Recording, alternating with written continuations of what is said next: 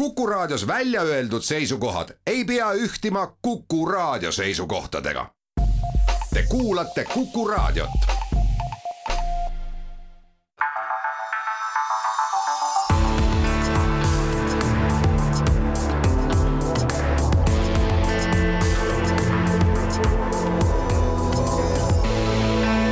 olukorrast ajakirjanduses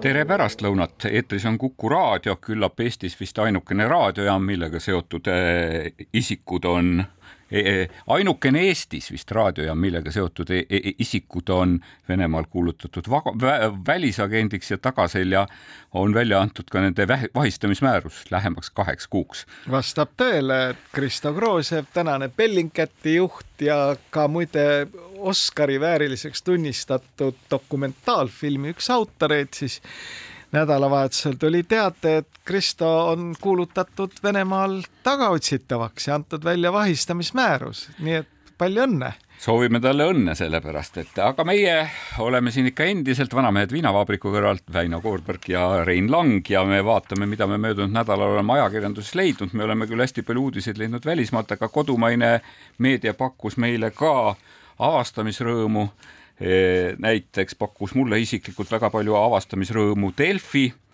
kes nagu te nägite, suvine ilm oli väljas, ma nägin, et ka, et Kadriorus esimesed päevitajad olid juba rinnad paljaks võtnud. et Delfi pakkus siis oma sisuturundusosakonnast sedapuhku olulist terviseinfot, soovitades astuda kevadväsimuse vastu sidumismängudega et Rein, et ma ei tea, et kas sina vürtsitad ka oma seksuaalelu partnerit pekstes või partnerit peksa saades, nagu see äh, uudisteportaal meile soovitab. ükskõik, mida ma nüüd ütlen, see leiab Delfis kindlasti kajastust. aga muide, ega ega Postimees palju alla ei jäänud, me just leidsime sealt breaking news'i ehk siis äh, sellise uudispommi nimelt Indias juhtus selline lugu, et üks vanemapoolne mees läks raudtee äärde kakale ja sai pihta lendava lehmaga, kes oli just jäänud rongi alla see oli väga oluline uudis, nii et tervitame siinkohal ka Postimees Online'i toimetust. jah, ja tegelikult küll ma oleksin tahtnud otsida ka Õhtulehest samasugust uudist, aga tegelikult äh, võib-olla tuleme siis Õhtulehe algatatud teema juurde tagasi, et kui möödunud nädalal me peaaegu poole saate rääkisime uuesti ikka sellest, et kas Kaja Kallas valetas või ta lihtsalt rääkis vähe või ta rääkis valel ajal või ta rääkis mitte neid asju, mida me oleksime tahtnud kuulda. ja see teema kuidagi tundus kerivat ja kerivat ja üldse nagu mittegi kusagile nagu maanduvat rahulikku vaikusesse, siis, siis, siis ma hakkasin ootama, et, et tavaliselt, eks ju, vanasti säärastel puhkudel, kui poliitiline kriis kerib ja kerib, et siis, siis tuleb, tuleb kusagilt Kaarel Tarand ja teeb ettepaneku, et Eesti võiks ikkagi ristilippu võtta eks ju, oma tavalise trikoloori asemele või et me võiksime hakata hümni sõnu vahetama või üldse see praegune hümn on oma jää ära jäänud. ehk et kusagilt peaks tulema mingisugune teema, mis tähelepanu endale võtab ja, ja, ja siis nagu aitab selle asja majandada, ma maandada, et, et kui nüüd tegelikult Õhtuleht küsis Urmas Reitelmannilt, et, et miks ta oma viima-, oma saadikuks, Riigikogu saadikuks olemise viimasel päeval, kelle veel enne õhtupimeduse saabumist, eks ju, tankis kakssada nelikümmend kolm liitrit diislit ja kui Urmas Reitelmann äh, Õhtulehe ajakirjaniku selle peale saatis sügavasse niiskesse kohta, et siis ma mõtlesin, et kas see on nüüd, kas tegu on nüüd selle teemaga? abi tuleb ikka sealt, kus sa seda kõige vähem ootad.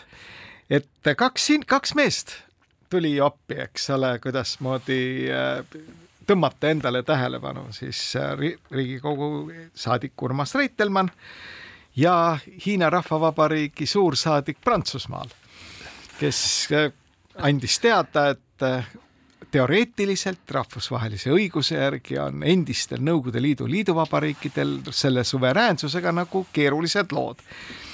ja mulle kohe meenus omaenda ajast Välisministeeriumis, et alati tuli mingisugune selline provokatsioon Moskvast reedel kell neli kuna meil oli Moskvaga tund aega ajavahe, siis ei olnud enam võimalik ka midagi ametlikult küsida venelaste käest. nädalavahetus tuli peale ja nädalavahetusel kõik tõmbasid sae käima, kukkusid siis tümitama, avaldusi tegema, jumal teab veel mis.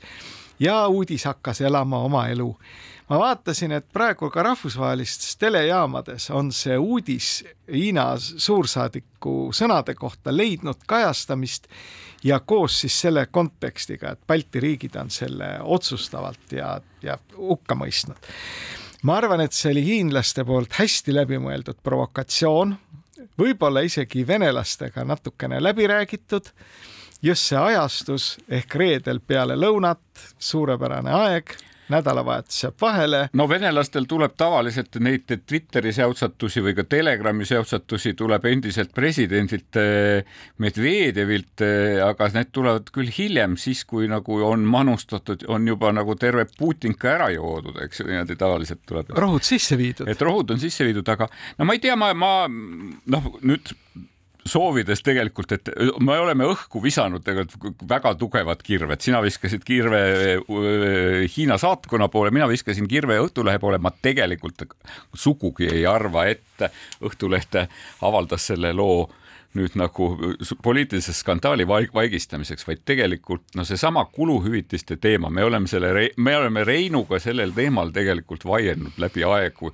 ka siis, kui sina oled olnud Riigikogus, eks ju, ja mina olen olnud ajakirjanduses ja erinevatel aegadel, et milliseid tähelepanekuid meil selle teemaga seoses on, et me meenutame tõepoolest, eks ju, rahvasaadikut, kes sai oma majoneesi tšeki pärast avalikkuselt koledasti peksa ja ütleme ka, ka ajakirjandus ise on tunnistanud, et ta sai selle, sai peksa täiesti teenimatult. no ajakirjandus ei ole kunagi minu mäletamist mööda Jaan Kundlalt vabandust palunud aga see, mina olen teinud endale juba ammu selle järelduse, et ega demokraatias ei ole kuluefektiivsed lahendused sugugi populaarsed ehk äh, Jaan Kundla juhtum on ju tegelikult sellest musternäidis. ajakirjanik läks, luges neid tšekke, eks ole, mis oli esitatud äh, Riigikogu kantseleisse, leidis sealt Jaan Kundla taotluse maksta kinni mingi majoneesipurk ja sellest tehti siis suur üritus, kallati Jaanile solgiämber pähe.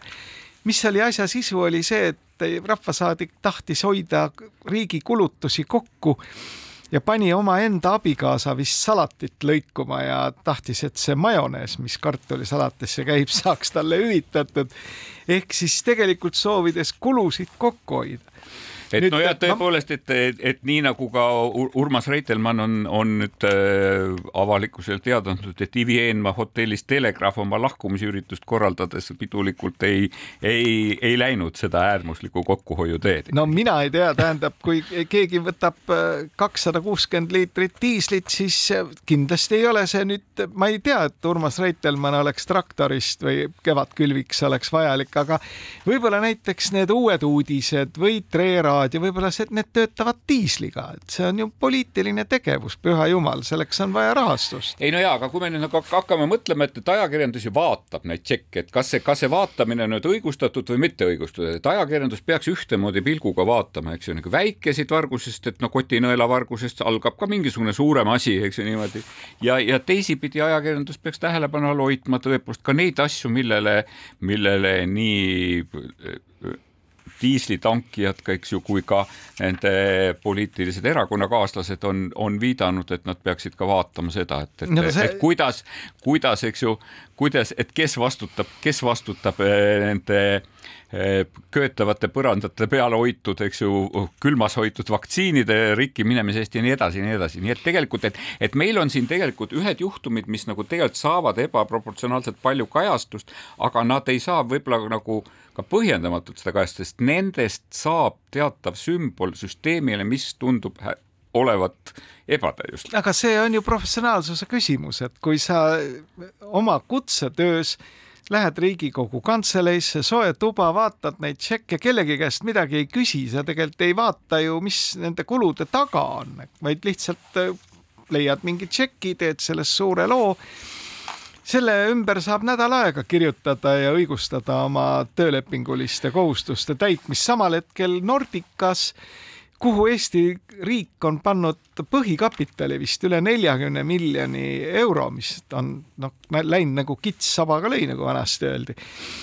ja keegi ei tunne. rongi alt lendas, tahtsid sa? rongi alt lendas, eks lennufirma kuskile ei lenda, aga nüüd tuli uudis selle kohta, et mingi marapuu hakkab kuskilt äh, Saksamaalt lendama ja Marapuu esindajad annavad teada, et kõik see saab teoks üksnes ainult tänu heale koostööle Eesti riigile kuuluva ettevõttega Nordica mitte keegi Eesti majandusajakirjanikest ei ole seni tundnud vähimatki huvi, mis seal taga on.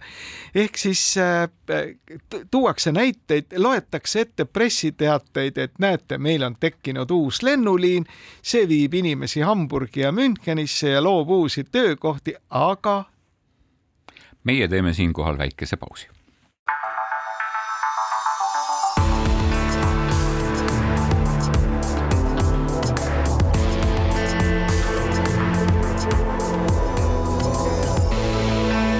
olukorrast ajakirjanduses vanamehed viinavabriku kõrvalt vaevad diisli küsimust kõige rohkem.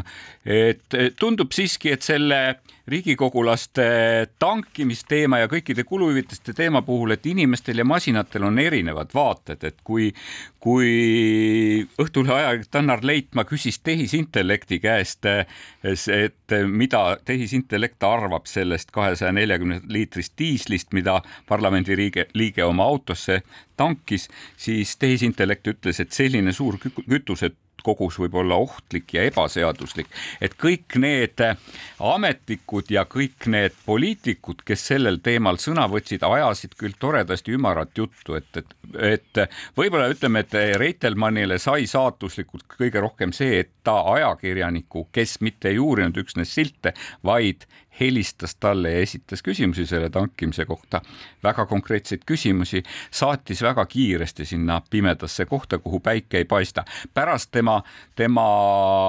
ütleme peaaegu et kuidas siis ütelda, kuidas, kuidas nimet-, kuidas kutsuda äh, Riigikogus seda ütleme, sinu fraktsiooni nagu peamist meest või, või, või olulist meest? fraktsiooni kasvataja, fraktsiooni kasvataja, ütleksin ma pigem nagu, et üritas küll nagu, nagu sealt pimedast kohast nii ajakirjanikke välja tuua kui ka tuua välja kogu Riigikogu, aga aga mulle tundub siiski, et noh, et selle teemaga peab samamoodi tegelema, peab tegelema selle väikese korruptsiooniga samamoodi nagu selle suure korruptsiooni no,. ja kui tea. me seda ära ei tunne, siis on muidugi asjad halvad ütleme, et see eh, niisugune väike pisike kakssada nelikümmend kolm liitrit diislit eh, see võiks ajakirjanduslikku käsitlust leida selliselt, et küsitakse kodanik Reitelmanni käest, et kuhu, et millised asjad EKRE-l töötavad diisliga, kas nende tehisintellekt, raadiojaam või ajaleht. No igatahes kui... väga huvitav on see, et ma mäletan, et ma mäletan, et siin on meil olnud, eh, on tulnud aastapikkuseid kohtuasju ühe juukselõikuse teemal, et tegelikult, et nendes asjades ei näh-, nähta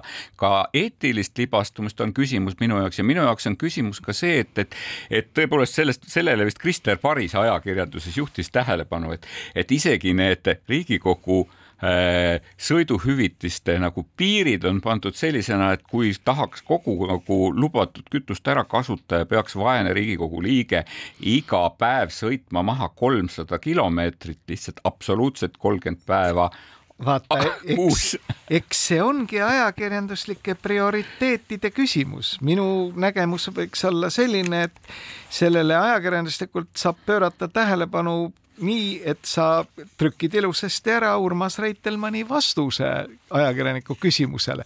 sellega on case closed, mis sa seal kahjuks, ikka rohkem jaurad, eks ole. kahjuks Aga... sündsuse huvides peaks sinna panema hästi palju tärne no,. ja, ja, ja, ja lugejatele jääb kogu arvan, sõnum kätte saamatuks. Eesti lugeja on harjunud ka roppude sõnadega nagu Ukraina lugejagi. me pikalt, me pikalt. aga lihtsalt tahaks lõpetada seda, et aga ei saa teha nüüd ajakirjanduslikke prioriteete selliseks, et tõesti hakata järama nende majoneesipurkide ümber.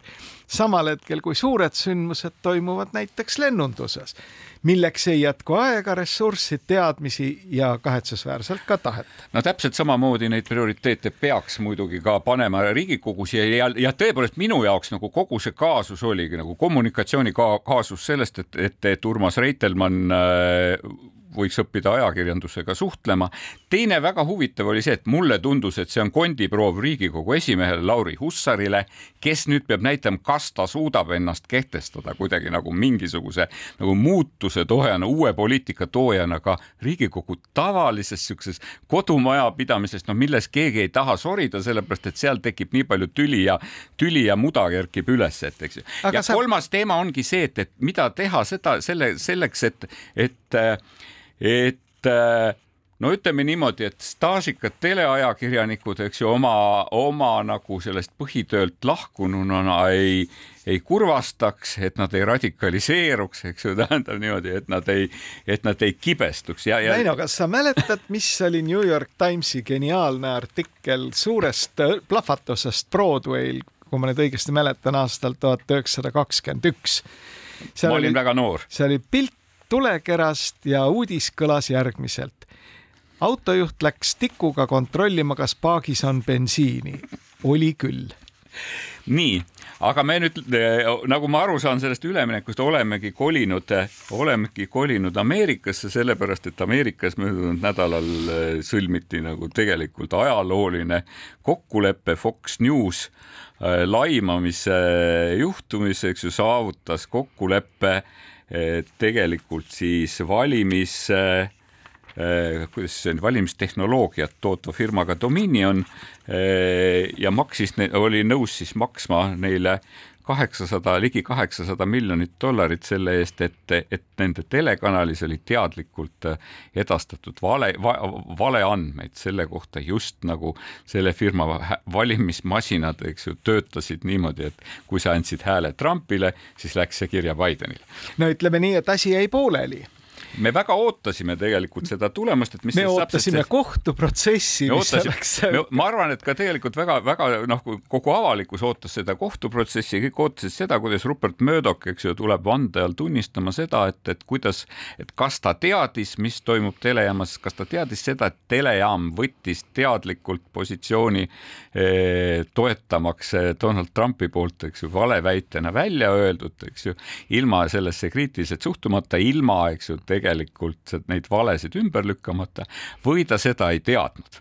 mõlemad, mõlemad äh, versioonid on nagu tegelikult seda firmat ja ka Rupert Murdochi meediaäri väga tugevalt kahjustavad. kas sa oled tähele pannud seda, et Ameerika Ühendriikide äh, inforuumis arutletakse selle teema üle põhiliselt sellise diskursusega, et me ikka täpselt ei tea, milline oleks olnud see õigusliku vaidluse tulemus sest siin on nii poolt kui vastuargumente, ühel pool ajakirjandusvabadus ja sõnavabadus, teiselt poolt au ja väärikuse kaitse.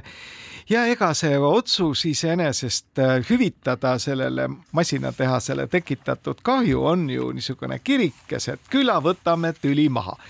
Nüüd mina olen mõelnud, et huvitav, kelle huvi on seda selliselt serveerida ja ma ei näe küll nüüd mitte ühtegi huvi sellel väikesel masinatehasel sellist kontseptsiooni avalikkuses levitada. see on ikkagi puhtalt Fox Newsi huvi, sest neid ootab ees analoogne kohtuasi ühe teise valimistehnoloogiat tootva firmaga, kus nõude ei ole enam mitte üks koma kuus miljardit, vaid kaks koma neli miljardit USA dollarit ja kui see asi peaks kohtusse minema, siis tõusetuvad täpselt needsamad küsimused, et kas üheksakümne, kaks koma seitse miljardit.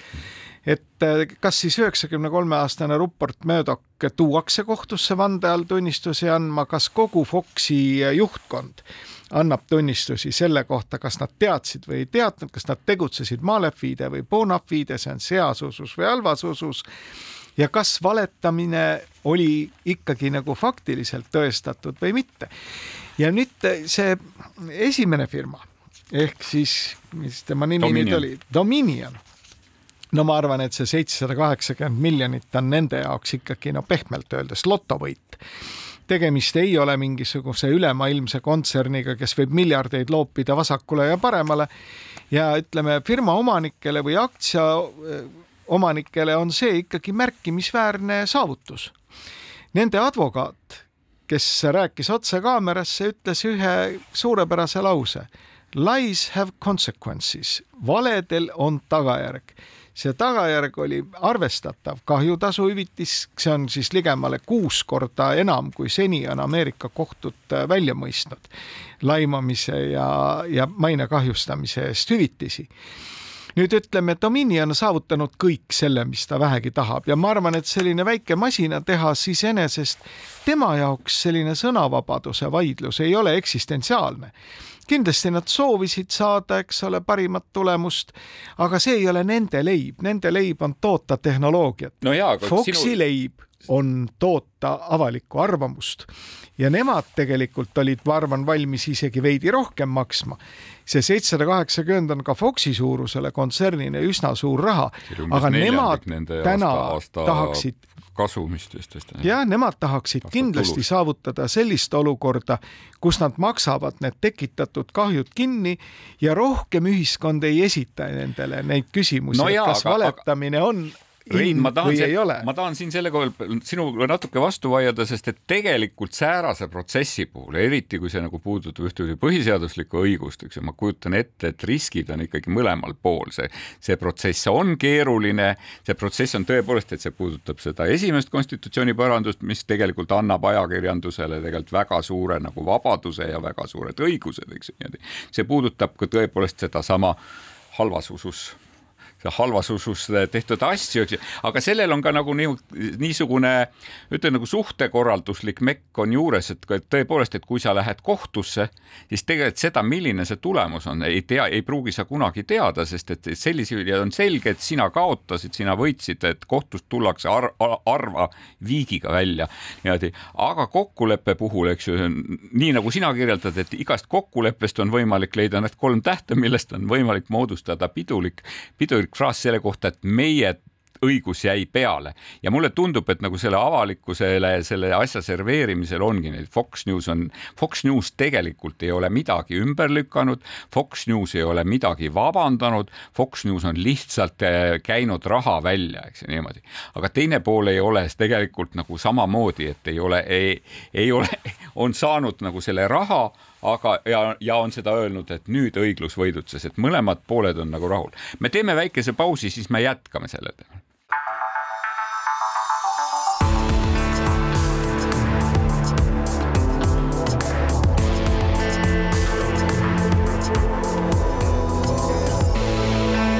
olukorrast ajakirjanduses Rein Lang ja Väino Koorberg, me jätkame eh, Fox Newsi ja tegelikult valimis tehnoloogiat tootva firma Dominioni kohtu, kohtu kokku või kohtuvälise kokkuleppe arutamist, kus Fox News oli siis valmis ligi kaheksasada miljonit dollarit maksma, maksma sellele firmale valeväidete eest, nagu tema masinad töötaksid valesti. selle väitega tuli välja tegelikult eh, president Donald Trump ja see oli siis tõepoolest valimiste, valimiste kuidas see valimisõhtul sisuliselt oli seda, see asi nagu toimunud, et kus, kus tõepoolest väga üllatavalt, ma mäletan, et ma ise vaatasin nii Fox Newsi kui CNN-i, et kus Fox News oli esimene, kes tegelikult hakkas nagu ennustama äh, Joe Bidenile võitu presidendivalimistel, eks ju. eriti üllatav oli see nagu see Bideni ülekaal just Arizona osariigis. Äh, ja, ja, ja, ja see, see väide, mis oli väga ebatüüpiline Foxi keskmisele vaatajale, viis, viis Foxilt tegelikult väga palju vaatajaid minema tuli midagi ette võtta ja tegelikult siis telejaam hakkas võimendama eh, Donald Trumpi väidet sellest, et valimismasin on valesti programmeeritud, eks ju, et nii kui te annate hääle Trumpi poolt, eks ju, läheb see kirja Bidenile ja nii edasi, nii edasi. ja selle võtsid üle siis tegelikult selle telejaama nagu eetrinäod, kes hakkasid seda valeväidet võimendama, kuigi nad teadsid, et nad pidanuks sellesse suhtuma kriitiliselt, eh, kuigi ka nad teadsid, et see on puhas vale, eks ju, eh, puhtalt puht pragmaatiliselt Fox ikkagi ikkagi tegelikult mulle tundub, et, et arvestas sellega, et, et me võime küll kaotada raha, aga me võidame vaatajaid. no ja Ameerika Ühendriikides kehtib tänaseni minu teada ikkagi see printsiip, et isegi kui ajakirjandus eksib, ajab mingisugust pada suust välja, siis juhul, kui ajakirjanikel, kes seda pada on levitanud, on heas usus toimetamine ehk neil oli piisav alus arvata, et asjad on just nii, siis ei saa ajakirjanikku süüdistada kahju tekitamises ja see inglise keeles kõlab see nii, et the journalist had good reason to believe ehk siis ajakirjanikul oli piisav põhjus Alus. uskuda, et asjad on just täpselt nii. ja no ütleme, ajakirjanik peab ka rakendama kõiki abinõusid selleks, et tõde välja selgitada, peab küsima mõlemat mõlemalt poolelt kommentaare, et cetera, et cetera ja nii edasi ja nii edasi. no peab leidma ka väidetele kinnitust, eks. ja kaks allikat ja nii edasi ja sellest Ameerikas peetakse väga täpselt kinni. nüüd see Fox News on üldse üks kentsakas organisatsioon ja need meie kuulajad, kellel on Telia liitumine ja on tellinud endale ka nuti tv, neil on ka võimalus vaadata ühte suurepärast Ameerika seriaali nimega Pärijad. Succession, mida on nüüdseks siis kokku valmis kolmkümmend neli osa ja see on HBO selles äh, portfellis vabalt kättesaadav, täiesti tasuta, eesti keeles subtitreeritud, väga hästi tehtud ja soovitan, soovitame vaadata, tõeliselt hea toode. ja väga keeruline on mitte mitte jõuda järeldusele, et, et see seriaal lugu, räägib Rupert Murdochist ja tema perekonnast. räägitakse Rupert Murdochi perekonnast, ehkki seriaali autorid on teinud kõik selleks, et Murdochi meediaimpeerium ei saaks neid hageda aga soovi, soovitame tõesti vaadata. aga ja... selle värgi juures ikkagi ühtepidi Fox News on väitnud, et tõepoolest see, mida president, eks ju, Ahmed, tollel hetkel ametis olev president ütleb, et need olid selgelt uudisväärtuslikud, eks ju, need vajasid kajastamist, eks ju, et ajakirjandusel oli õigus ja ka kohustus neid väiteid kajastada niimoodi kuidas sellega jääb? no absoluutselt, ega me näeme seda kõike ju Eestis ka, et on öeldudki, et kui Ameerikast liblikas lehvitab korra tiibu, siis Eestis kukuvad pilvelõhkujad, eks ja ka Eesti ajakirjandus ju alati on kasutanud seda põhjendust, kui keegi tuleb välja mingisuguse täieliku sogaga, näiteks et päike tõuseb läänest või ma ei tea, mis veel et see ütleja on avaliku elu tegelane ja üldsusel on õigus teada saada, et vot tema arvab, et maakera on lapik ja hakkab seda teemat nagu järama. Fox käitub täpselt samamoodi ja see on väga omane sellisele ultrakonservatiivsele maailmavaatele, kelle positsioonid Ameerika Ühendriikide poliitikas ei ole mitte just väga tugevad.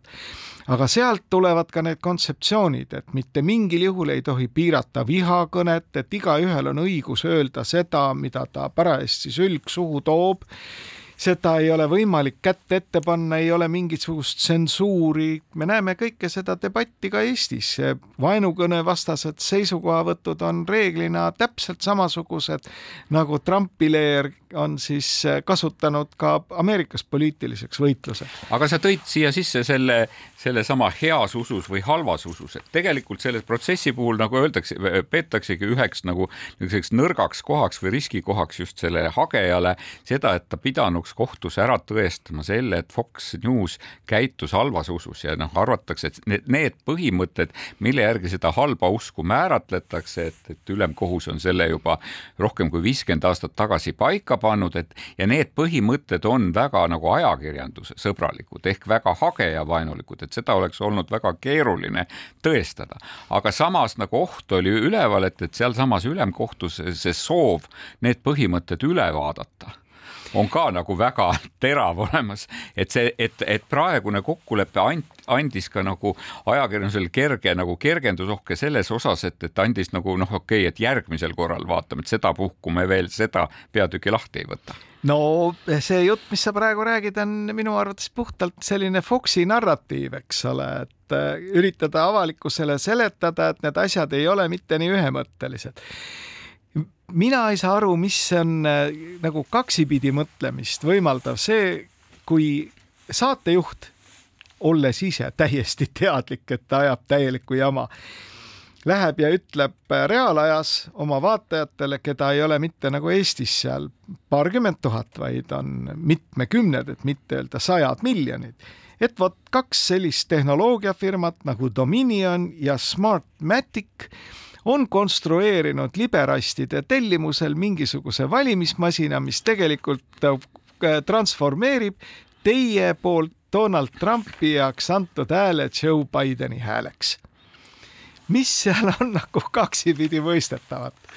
et nüüd tõestada seda, et äh, Fox News on pannud otse-eetrisse saatejuhi, kes on debiilne, et ta ei ole võimeline aru saama, et ta ajab mingit jama noh, see on see kaitsepositsioon. et see on ka kaitsepositsioon, tegelikult no neid kaitsepositsioone nagu, mis on hõredaks osutunud, no selle protsessi juures me nägime ju tegelikult veel, et ühtepidi, ühtepidi ka tõepoolest see küsimus, et kas nagu omanik oleks pidanud suht kuidagi nagu sekkuma sellesse või absoluutne ajakirjandusvabadus selle välistas. Fox News püüdis ka selle kaardi lauale panna, et, et, et, et omanik ei sekku tegelikult toimetuse tegevusse, et no me võime, teame neid legende küll, et Rupert Murdoch on kõik oma väljaanded nagu tõepoolest täiesti omapäi jätnud. et ma ise ma mäletan näiteks esimesi raamatuid Briti ajakirjandusest, mida ma olen lugenud, oli Piers Morgani, ta on päris mitut ajalehte siin juhatanud, News of the World ja, ja Mirrori peatoimetaja esimesed mälestused, ta kirjeldas oma aega Rupert Murdochi ajal eh, News of the Worldi peatoimetajana ja ta, ta kirjeldab tõesti seda stseeni, et nelikümmend minutit enne lehe trükkimist ilmus äkki toimetuse omanik ja vaatas, millest leht kirjutab ja siis äh, kutsus olulised inimesed kohale, ütles nii, leheküljed kaks kuni kakskümmend kuus lükkate tühjaks ja seal hakkame Austraalia valitsust sõimama nüüd. et tal oli parajasti mingisugune, no mingisugune väga põhimõtteline vaidlus Austraalia valitsusega oli nagu käsil ja läks, niimoodi ka tehti. nüüd nagu tegelikult seal Foxi kaasuses äh, Rupert Murdochi esindajad ütlesid, et me austasime toimetuse nagu sõltumatust ja toimetusvabadust. no ma arvan, et Foxil on üks oluline risk on tegelikult tõesti Rupert Murdochi äh, kutsumine vande all tunnistusi andma tegemist on ikkagi meediamaailmas peale võib-olla Hearsti järgmiselt värvikama isiksusega üldse kogu ajaloos see, mida üheksakümne kolme aastane mööda kohtus vande all võib öelda, võib olla Foxile nii häving kui ka hoopis vallandada mingisugused muud diskussioonid no,. no arvatakse, et Kindlasti see võib olla Fox häving. arvatakse, et see võib olla häving mõlemat pidi, et, et häving on ühele meediaorganisatsioonile see, kui selle eh, omanik ja tegelikult kodanik, kelle ma pean otsima, kuidas tema tiitel oli, see oli, kas see oli no peaaegu tal on nagu tegevjuhi tiitel, Fox ise, ise püüdis, püüdis seda kuidagi küll öelda, et see oli nagu auametina nimetatud, see oli, kuidas executive chairman oli selle nimi vist, eks kuidas seda võiks tõlkida. Eksek-, eksek-, eksekutiivesimees, eks ju niimoodi, et kui ta väidab, et ta ei teadnud, mis selles firmas toimub, eks ju, on ühele meediafirmale nagu täielikult hävitav. ja kui ta väidab, et ta teadis väga hästi, aga ta ei tegutsenud, eks ju, siis ka see Või on ühele, et, et see, et see on ühele meediafirmale hävitav, et mõlemal juhul, eks ju, tähendab, on väga halvasti. mina olen viibinud üritustel, kus Murdoch on olnud panelistina ja tegemist on muidugi ülivärvika tüübiga ja erinevalt väga paljudest teistest suurte meediakontsernide omanikest on tema ikkagi reaalne globaalne meediajuht. ja seda juttu, et ta ei sekku sekku äh, omaenda meediatoodete sisusse, seda võib rääkida kassile, eks ole, et seda ei usu ka Ameerikas. no isegi seda juttu, et ta üheksakümne kahe aastasena on piisavalt põdur või piisavalt põdur, et tal seda sobiks. muide Fox üritas müüa avalikkusele. et tal ei sobi nagu kohtu ette astuda, et ka see nagu kaart käidi lauda ja kohtunik naeris selle välja tuues, siis tegelikult vist Murdochi enda väljaande New York Post, eks ju, kus oli parajasti nagu, nagu ulatuslik kajastus sellest, kuidas Murdoch parajasti parajasti oma järjekordse vist oma viienda pruudiga parajasti mesinädalaid äh, planeeris või midagi niisugust, eks ju. kohtunik näitas äh, siis esindajatele seda väljaannet, et ütles, et kui ta on nagu piisavalt hea selleks, et praegu parajasti nagu uut pruuti suksutada, et siis ta võiks tegelikult ka minu kohtusaali tulla. aga igal juhul ei ole see protsess ju Ühendriikides ka lõppenud, et äh, endiselt on õhus hagi Smartmaticu poolt Äh, Foxi seal vastu. kahjutasu suurem ja seal nagu ütleme niimoodi, et see, see praegune tulemus ja mis tegelikult ma arvan, et mis selle Dominion Voting Systemsi nagu raamatupidamistulemust ikkagi väga oluliselt parandas, et ma arvan, et nagu omanikud keerutasid pöidlaid ja ütlesid au jee. jah, ma olen sama meelt, et, et, et nemad nagu on ikkagi teki... nagu võidumehed. et võib tekitada nagu siis nagu suurema isu võib-olla veel tegelikult ka hageda teiste samaste asjade just ja tegelikult seal on libe tee, sest et, et ühtepidi sa pead siis väga selgelt määratlema, kus on siis faktiväite ja kus on nagu arvamuse piir, eks ju niimoodi, millisel hetkel nagu arvam, erinevate arvamuste spektri esitamine, eks ju, tähendab, kas sa esitad kolmsada kuuskümmend kraadi, eks ju, vikerkaare kõik värvid või sa valid sealt hoolega välja nagu sulle sobivad arvamused ja sulle sobivad faktid, eks ju, et millisel hetkel see muutub nagu kuriteoks? Aga Dominioni seisukohast, et leida jah ennast nüüd olukorrast, kus sa oled seitsesada kaheksakümmend miljonit rikkam ja sinu maine on ka nagu puhtaks pestud, et noh, see on nagu Ameerika ka keskmisele inimesele arusaadav, et Dominioni ei tootnud sellist masinat, mis oleks transformeerinud Trumpi hääle Bideni hääleks. et sa võid rahulikult oma äri edasi ajada, raha on kätte saadud, kogu lugu, aga kogu tsirkus ajakirjandusvabaduse seisukohast jätkub nagu täiega edasi. ja mina ootan ikka väga suure huviga seda järgmist äh, käiku. siinkohal teeme väikese pausi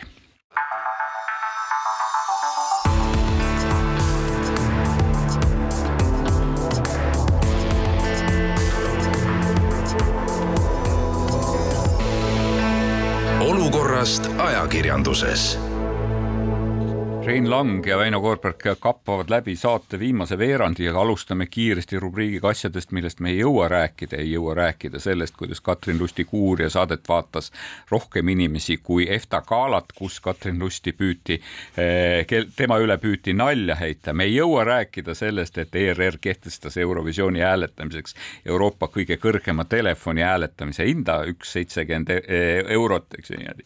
me ei suuda tegelikult väga pikalt rääkida sellest, sellest, et Urmas Vaino andis teada, et ta lõpetab pärast kevadhooaega saatejuhi töö televisioonis.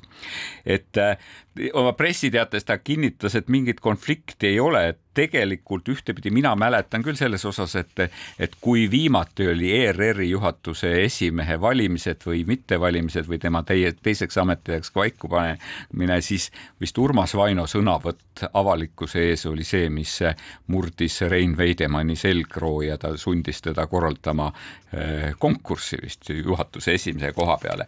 me peaksime natukene rääkima teistest eh, keerulistest kohtuasjadest, mis on Ameerikas käsil osad on seotud platvormidega, me tegelikult räägis, rääkisime siin küll Fox Newsist ja televisioonist, et eh, peaks rääkima ka tegelikult Twitterist, peaks rääkima Facebookist, peaks rääkima Youtube'ist, et üha rohkem tõstetakse nii Ameerikas kui ka Euroopa kohtutes üles küsimus sellest, et kuivõrd need platvormid on vastutavad siis kõige selle viha ja vaenu eest, mis meile sealt vastu vaatab õigemini nende tagajärgede eest, mis siis on tekkinud eh, nendel meediatarbijatel, kes on Twitteri või Meta mõjul ühe või teise aktsiooniga hakkama saanud. jah, et kas, eks ju, Twitter või Meta võib kaudselt olla seotud näiteks see ISISe toime pandud kuritegudega? see on väga põnev.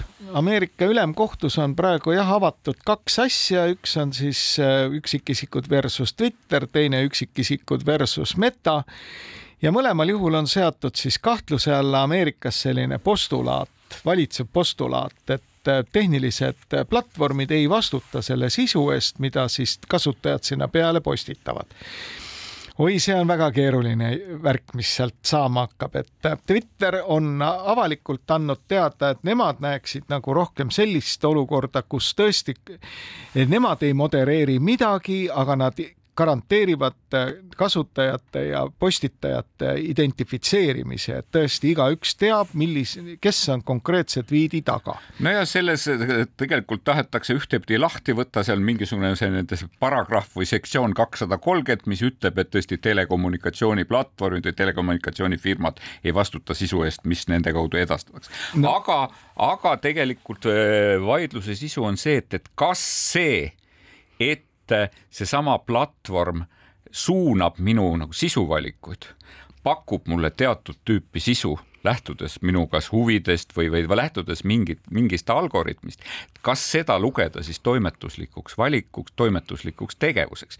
ehk et kui eh, Rein on vaadanud, eks ju, laste ja lapsukeste laulu, eks ju, tähendab siis järgmine hetk Youtube küsib, et kas sa tahaksid vaadata ka pedofiilseid videoid, eks ju, või midagi niisugust, eks ju. noh, seesama see, et, et väga mitmel platvormil, kas sa tahaksid näha midagi samasugust, me arvame, et sulle võiks meeldida midagi niisugust, eks ju, et kuna sa jälgid seda kodanikku äärmuslike vaadetega, äkki sa sooviksid, eks ju, eh, järgida ka neid kodanike äärmusvaadetega. see on ka see, kui platvormid tegelikult nagu push ivad või nagu, nagu eelis, eelis levitavad sisu, mis saab hästi palju nagu vastuolulisi kommentaare või see on see, et kus, kus inimesed kaklema lähevad omavahel, eks ju, sedasorti sisu on tegelikult platvormide al algoritmid programmeeritud, eks ju, nagu eelis levitama, sest see nagu tegelikult ühel hetkel töötab ka omanikega. aga nüüd astub sinna vahele veel ka siis ai ehk siis kunstlik intelligents, tehisintellekt. me kutsusime üles Eesti ajakirjandust otsima üles Jaan Tallinna ja et Jaan siis selgitaks ka Eesti üldsusele, mis on selle tema poolt alla kirjutatud ja nüüd selgub, et ka initsieeritud äh, pöördumise taga, kus siis soovitakse pooleks aastaks peatada tehisintellekti uuringud ja rakendamine ja mul on väga hea meel, et Marek Strandberg haaras nii-öelda härjal sarvist, otsis Jaani üles ja tegi temaga intervjuu, mis on nädalavahetuse Postimehes ilusasti saadaval.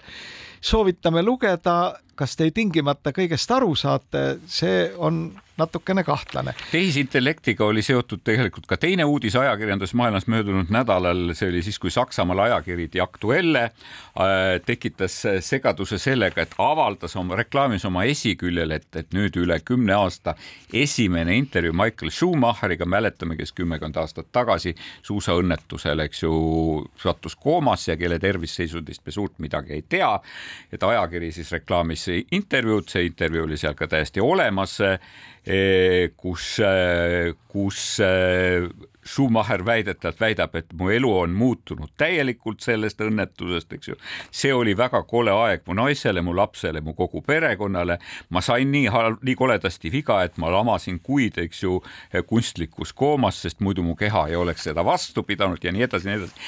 pärast selgub, et tegu ei ole mitte mingisuguste lihtsate tsitaatidega, vaid need olid siis küs-, et esitati küsimus tehisintellektile, kuidas te vastaksite, kui te oleksite Michael Schumacher, eks ju niimoodi. et tegu oli puhtalt väljamõeldud intervjuuga. Schumacheri perekond on lubanud, eks ju, selle väljaande ja, ja tema kirjastaja anda korralikult kohtusse. niimoodi väljaanne on juba päevapealt lasknud lahti ajakirja kauaaegse peatoimetaja Hän Hoffmanni, kes oli vist kahe tuhande, ma ei tea, kuuendast või kahe tuhande, kahe tuhande kuuendast aastast vist selle väljaande peatoimetaja, eks ju.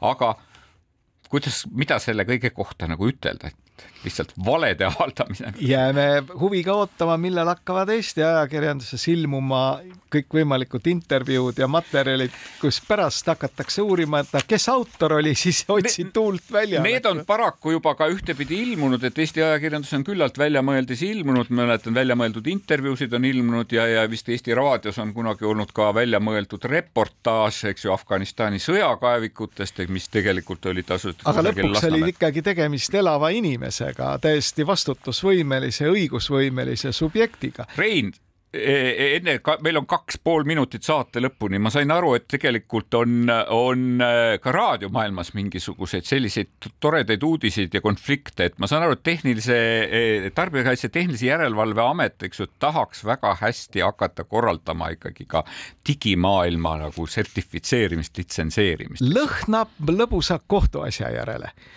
tõepoolest, siin Duo Meedia on äh, nii-öelda teinud proovisaateid digitaalses raadioringhäälingus, mida siis rahvasuuga tapiks nimetab.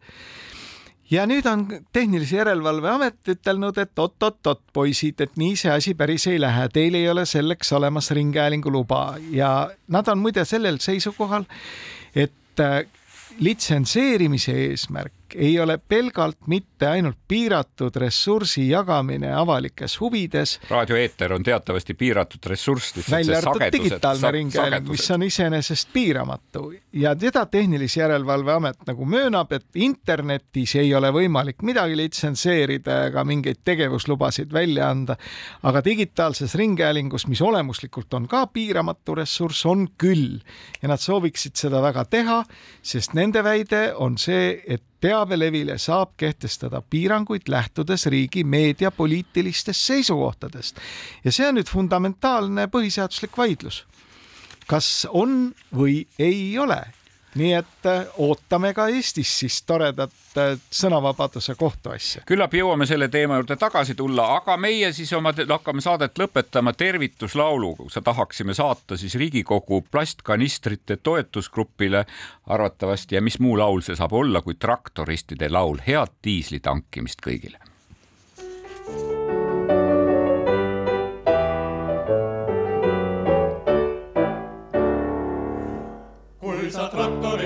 korraks puhkust annad, istu meestega juttu puhuma, leia mahti piibu tobi põske panna, meie õnnekest veidi rüübata.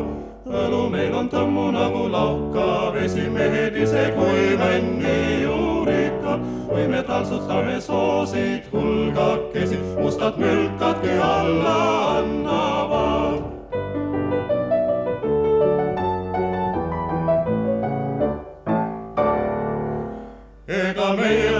ainult kätte jõuga, hästi juhime võimsaid masinaid, seitse timet võivad kallimalt meid nõuda, need on loodusalt tehtud sedamaid.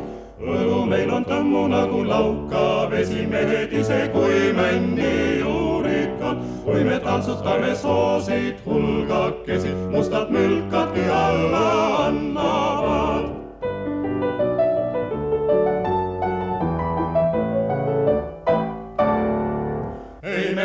raske tööga rinda pista, ega maadelda kurja endaga. meil on piigakesi jaksu selle tõsta, tantsu tuulimas panna lendama. õlu meil on tõmmu nagu lauka, vesimehed ise kuimenni juurikad. kui me tantsutame soosid hulgakesi, mustad mülkadki alla annavad õlu meil on tõmmu nagu lauka, vesimehed ise kuimenni juurikad. või me taltsutame soosid hulgakesi, mustad mülkadki alla annavad.